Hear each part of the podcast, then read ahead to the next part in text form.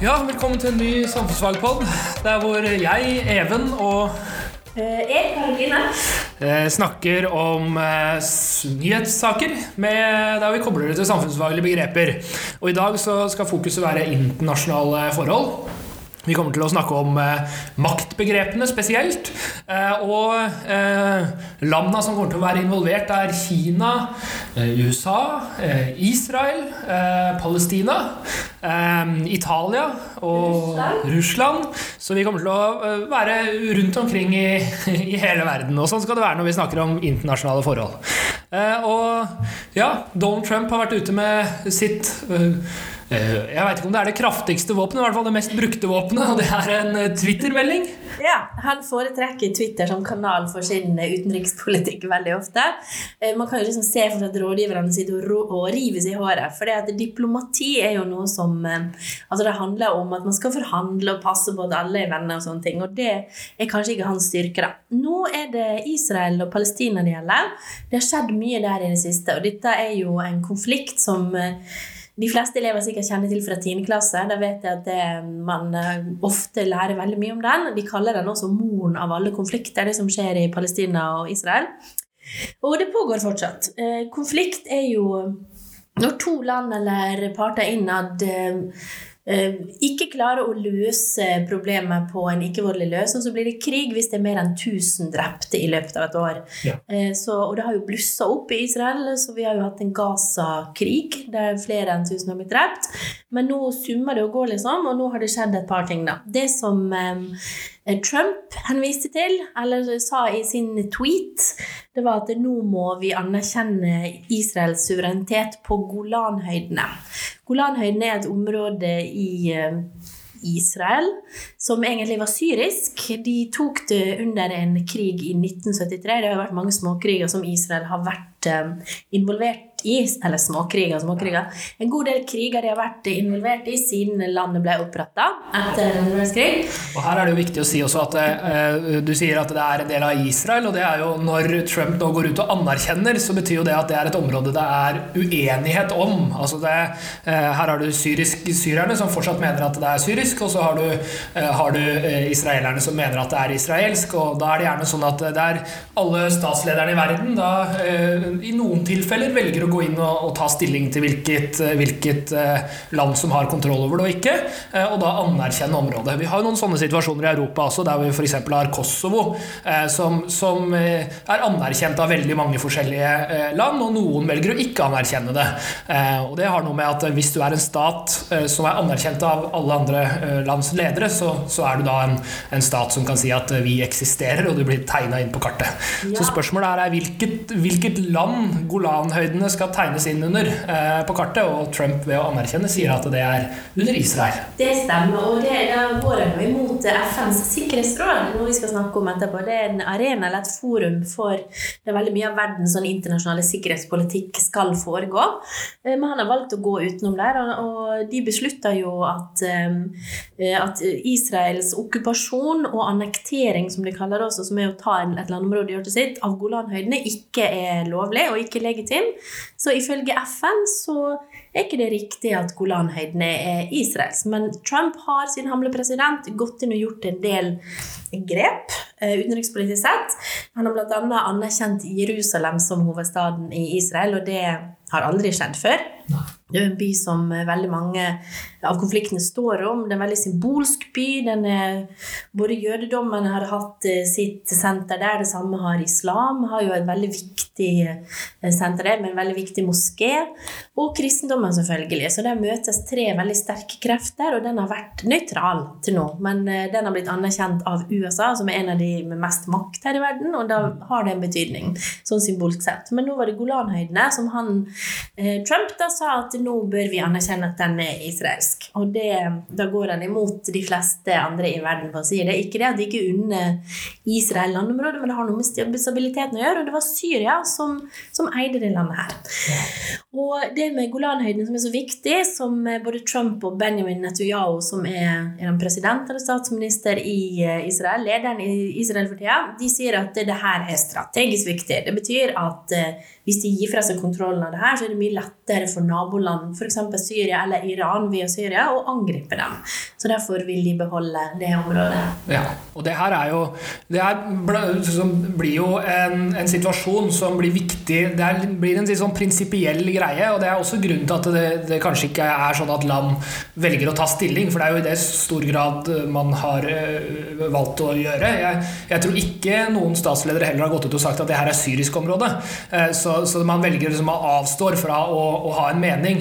Uh, og grunnen til det at land er forsiktige med det, er jo at sånne annekteringer som vi har sett her, altså at du, eh, du, sier at det her er et område som hører til mitt land, det er jo noe vi eh, aller helst ikke ønsker. Eh, vi så jo også Russerne har jo annektert Krim, som er et område som, som i utgangspunktet lå under, under Ukraina. og hvis det er sånn at vi liksom åpner for at land kan gjøre det her, så vil vi kunne få utfordringer med stabiliteten. Vi vet f.eks. at i et land som Litauen så bor det veldig, veldig mange russere. Så hvis det er sånn at det er greit å annektere eller ta områder der hvor det bor veldig mange som på en måte hører til din nasjonalitet, så vil vi kunne få en utfordring. Ja, det er litt sånn, og da er vi inne på noe viktigere på internasjonale forhold. Det er, vi har jo ingen sånn overnasjonal politi som kan gå inn og si nei, vet du hva, det der er ikke lov, du kan ikke stjele noen andre sitt land.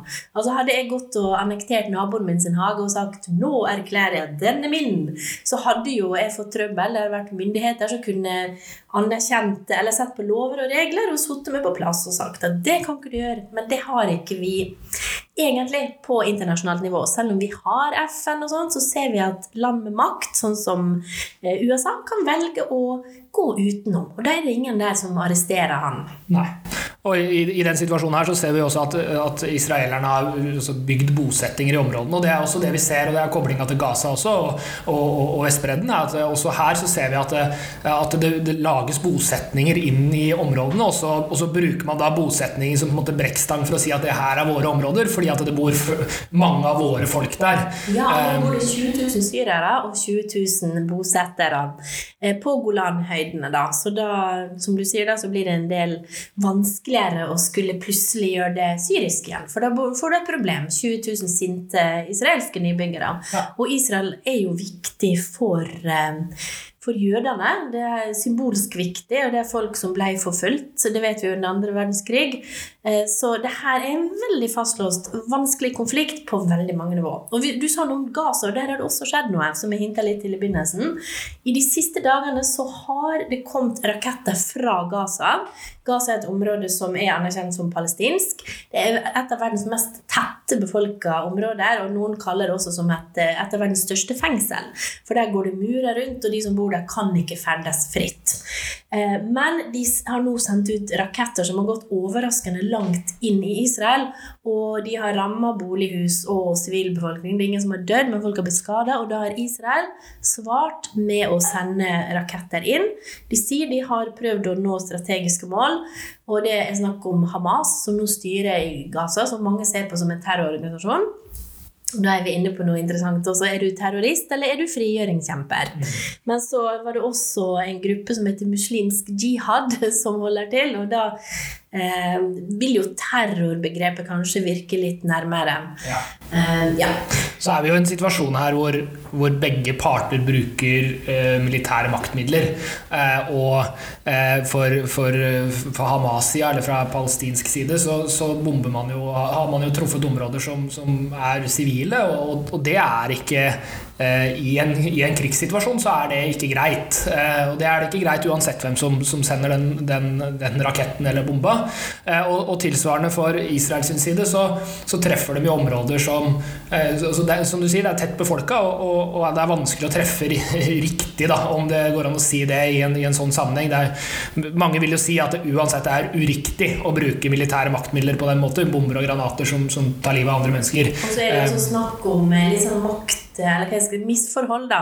For Israel er jo en av verdens største militærmakter. De er de som mottar mest militær støtte fra USA i form av penger og materiell. Og de på Gaza sitter vel med noen hjemmesnekra våpen. De får en del fra Iran. og det, altså Israel har masse fiender rundt. Eh, så de får nok en del våpen, og sånne ting, men det er ikke snakk den samme Det er ikke styrkeforholdet som står i stil med det USA har, eller Israel har med USA i ryggen. Så, så, ja, det er vanskelig. Og vi så jo under forrige Gaza-krig, når var det en del år siden, da var det jo forferdelige bilder. Da var det barn og sivile og mange flere tusen som, som ble drept. Så, ja.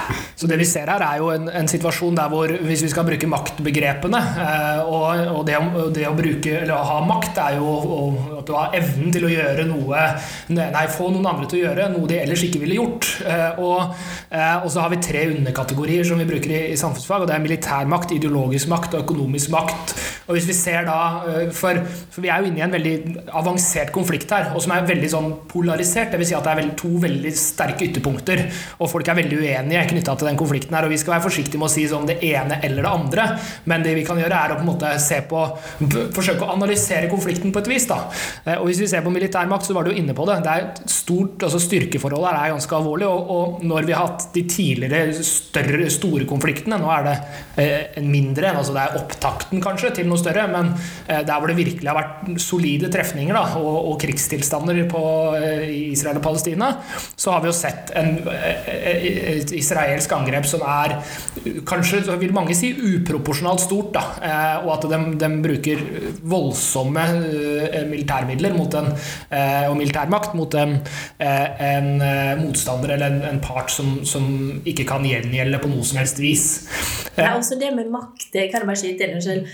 For det som er litt interessant, at om tre, det er noen få dager og så er det faktisk nyvalg i Israel. Og det å vise besluttsomhet på vegne altså Det er statsminister Benjamin Netanyahu, han er ikke president, men statsminister. For han ville være veldig viktig å vise at det her har han kontroll på. Så han har jo sagt at vi kommer til å svare på ethvert angrep med alle midler som er mulige.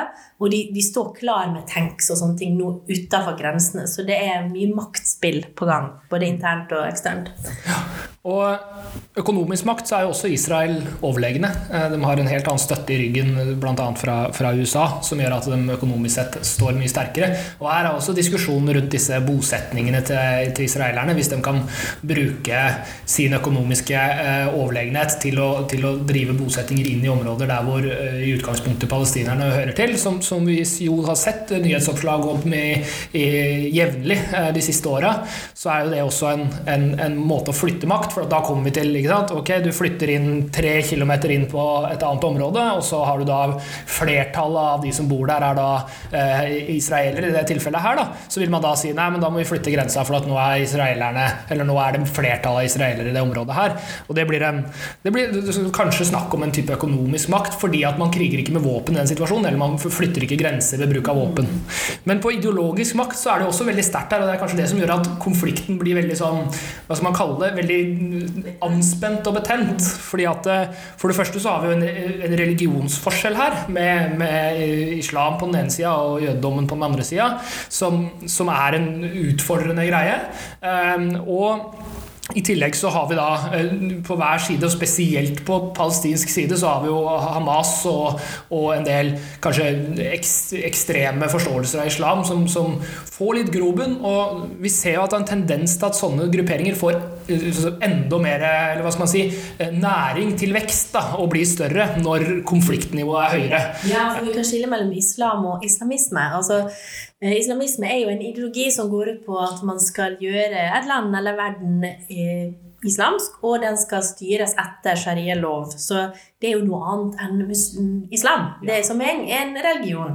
Så vi kan godt si at uh, Hamas de er helt klart islamistiske. Så uh, det, da, de ismene er jo det som er ideologien ofte, da. Ja. Mm. Og da er vi jo i en ideologisk kamp også, og en spørsmål om ideologisk makt.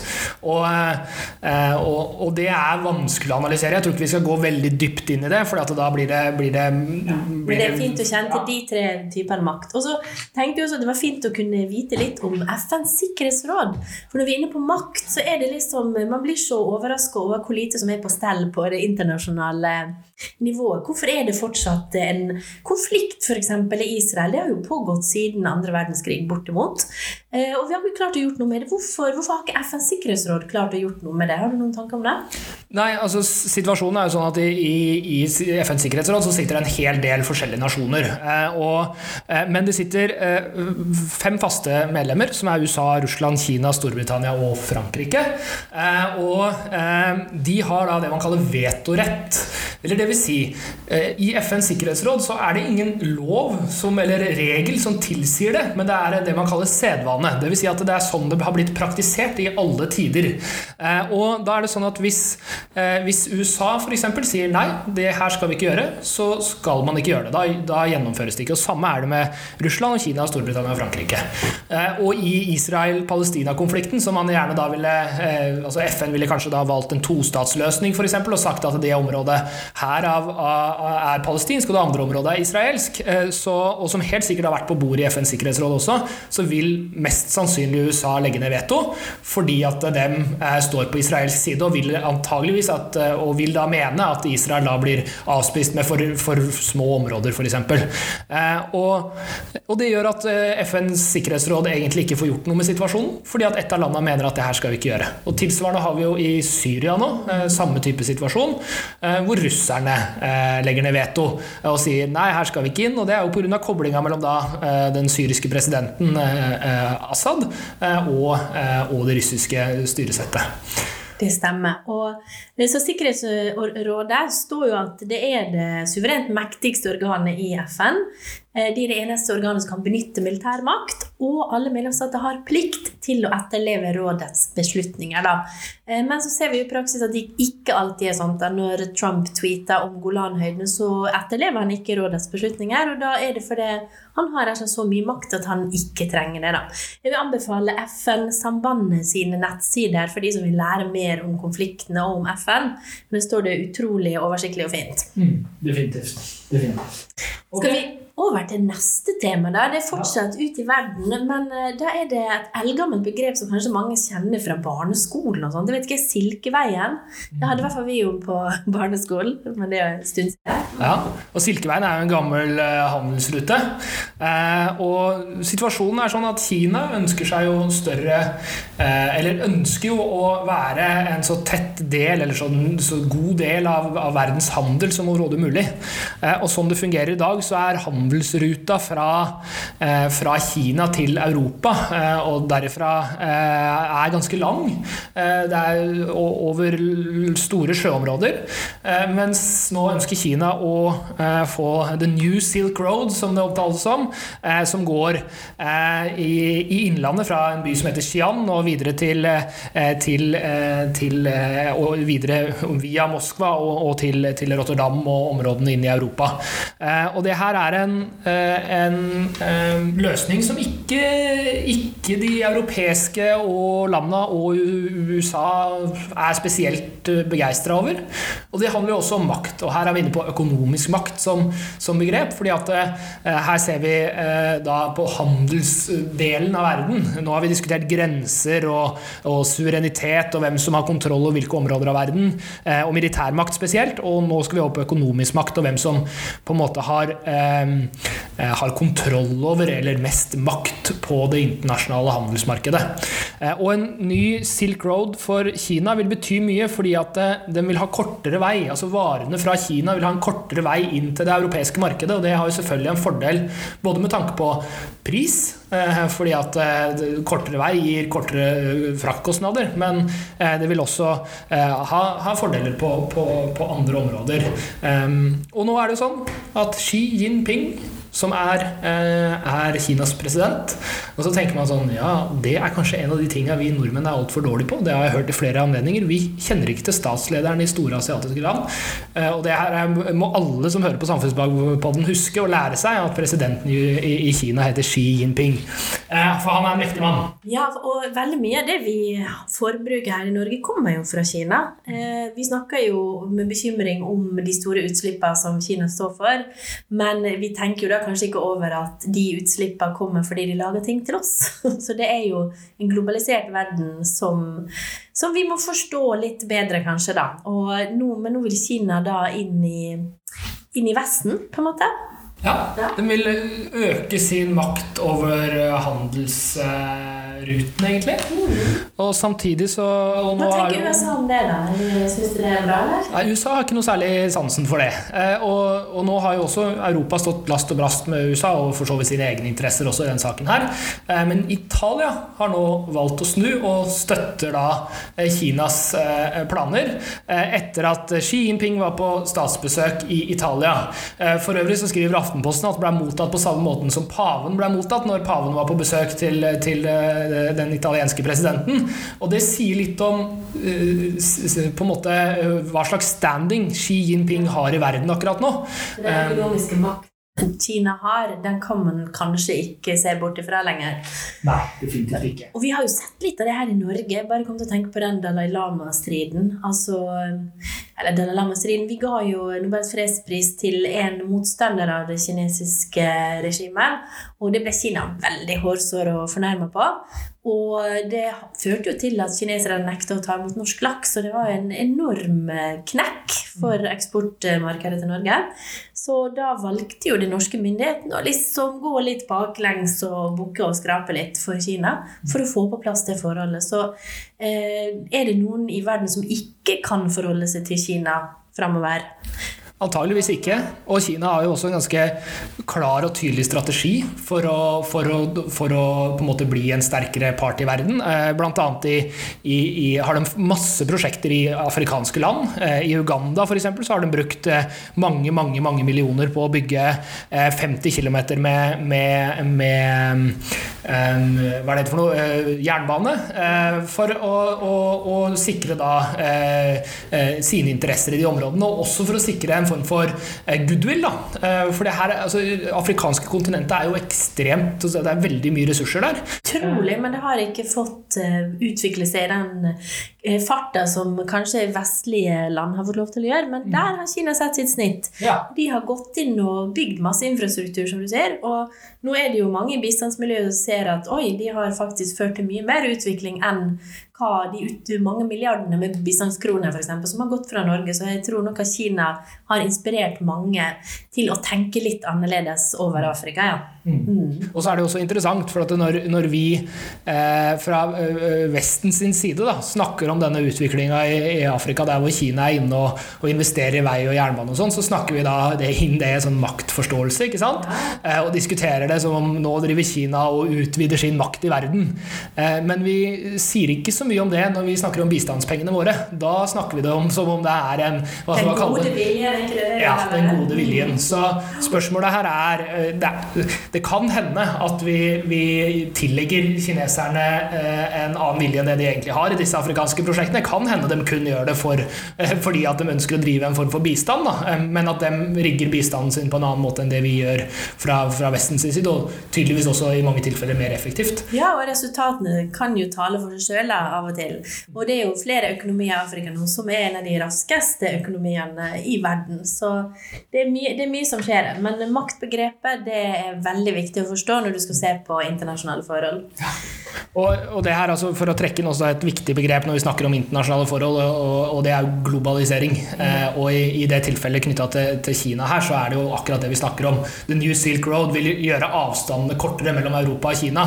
Og det er jo på en måte noe av kjernen i, i definisjonen i globalisering, altså at verden blir mindre. Ja, det blir litt tettere knytta sammen. Og der kommer jo eh, Svalbard var ikke det, Nei, nordområdene i Norge blir jo nå sett på som en mye enklere handelsvei også fra Kina. For da kan du slippe å gå rundt eh, kloden der nede, liksom. Da kan du bare smette opp bakveien når det blir isfritt der. Da. Så da vet jeg at det har vært snakk om containerhavner eh, oppe i nordområdet, rett og slett for kinesiske containerskip. Så det er mye som skjer.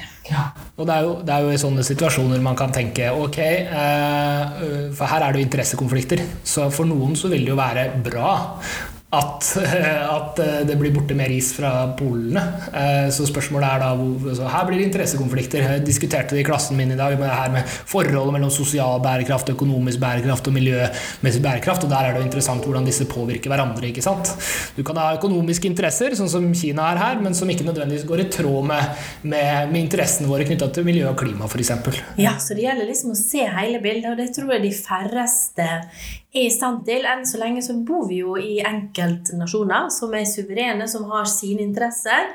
Og på den måten så blir den internasjonale arenaen egentlig litt sånn maktkamparena ofte. Vi, selvfølgelig vi får til mye samarbeid, og EU er jo et eksempel på det. og FN, Det er mange som er skuffa over FN, så hadde håpet at de kunne fått til mer samarbeid der.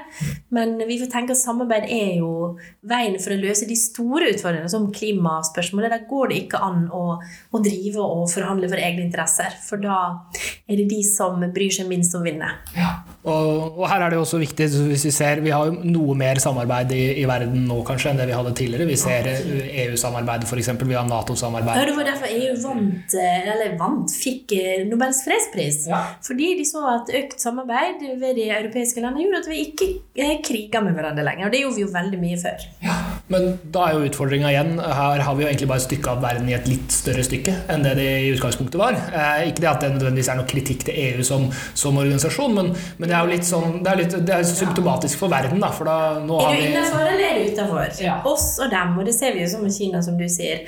Det skal være mye til før mange kjenner oss, en sånn oss-følelse med Kina. men men det burde jo absolutt være mulig. Men uh, jo lengre unna noen er, jo mer fremmede vil de se ut. Ja. ja. ja jeg tror uh, vi har fått snakka en del om ting som skjer i verden i dag. Vi har sett på mm. begrepet globalisering. Og det, da snakker vi både om økonomisk, politisk og kulturell globalisering. Mm. Ja, og da snakka om militær makt, ideologisk makt og økonomisk makt. Og så har vi snakka litt om liksom, verdens eh, da, eller der hvor det ikke er noen, noen tydelig, tydelig over, overnasjonal myndighet i verden som på en måte kan Hva var det du kalte det? Du sa det veldig fint. Vi har ikke noe verdenspoliti som kommer og sier det du gjør nå, er feil. Eh, og sjøl om FN har litt den rollen gjennom FNs sikkerhetsråd, som vi var gjennom. De er bare på nåden av Eller de, de, blir, de er så legitime som medlemslandene lar dem være. Så med en gang et mektig land bestemmes for ikke å følge FNs sikkerhetsråds beslutninger, så rakner jo det hele. Ja. ja. Så bra. Da har vi fått gått gjennom noen nyhetssaker, og så er det sikkert veldig mange flere, så dere må fortsette å lese nyheter selv også, sjøl om dere hører på oss. Det skal vi gjøre. Ja, det skal vi gjøre.